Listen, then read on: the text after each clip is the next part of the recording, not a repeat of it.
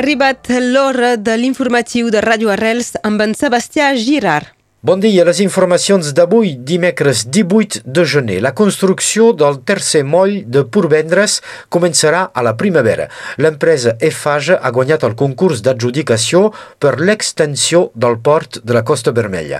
Es tracta d'un projecte vell de 10 anys, impulsat pel Consell Departamental, aleshores presidit per en Christian Bourquin. Les obres costaran 30 milions d'euros i haurien de durar dos anys. El nou moll, batejat de Zooms, farà 170 metres de llarg amb una profunditat de 9 metres. Demà serà dia de vaga arreu de l'estat francès i també a Catalunya Nord, un moviment de protesta molt ampli en contra de la reforma del sistema de jubilació del govern d'Emmanuel Macron. Una vaga que serà molt seguida pels treballadors tant del sector privat com de la funció pública. La vaga s'anuncia particularment forta a l'educació, segons el sindicat SNUIPP-FSU, el 70% del professorat seguirà el moviment. Es preveu que un terç de les escoles seran tancades demà.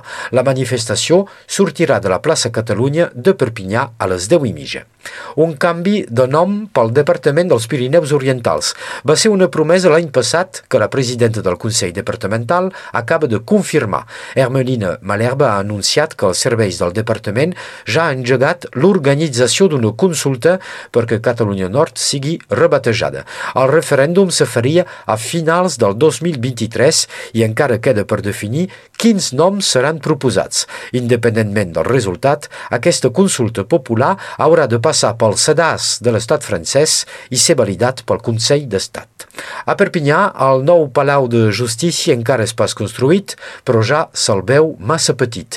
El nou tribunal va ser pensat i dissenyat abans que el ministre de Justícia, Dupont-Moretti, decreti una gran onada de reclutament de nous magistrats. El president del Tribunal Judiciari de Perpinyà, Pierre Viard, es demana on posarà els nouvinguts i sembla molt complicat ara de retocar els plànols del projecte. El nou Tribunal de Perpinyà, de set pisos, serà construït al costat de l'actual sul pàrquing Aragó. Demà serà un dia de manifestació també a Barcelona arran de la cimera franco-espanyola entre els caps d'estat Emmanuel Macron i Pedro Sánchez.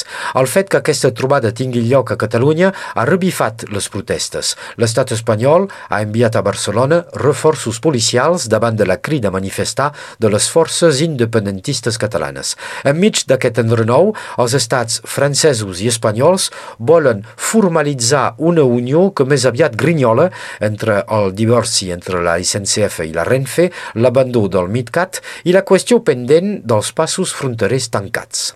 Sempre a Barcelona s'engeguen obres al famós mercat de la Boqueria sobre la Rambla de Catalunya. Els treballs de renovació del paviment duraran 10 setmanes i tindran, per tant, conseqüències sobre els comerciants del mercat. Per bé que siguin obres necessàries, els comerciants de la Boqueria es queixen, ja que, segons ells, es podia haver fet en temps de vacances o en temps temps de pandèmia, però no s'ha fet perquè predomina el turista.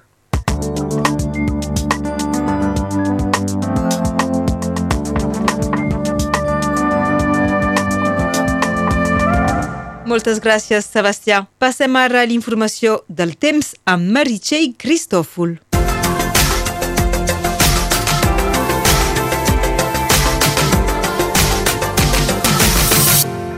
Dia. A la vora del Mediterrani, el cel continua tapat, però només s'esperen alguns ruixats. En canvi, el vent de ponent és sensible a la costa i la tramuntana bufa amb força.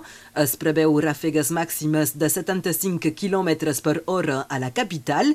Sem en hivern, cap dubte, nevades avui a Cerdanya, al Capcí i també al Conflent.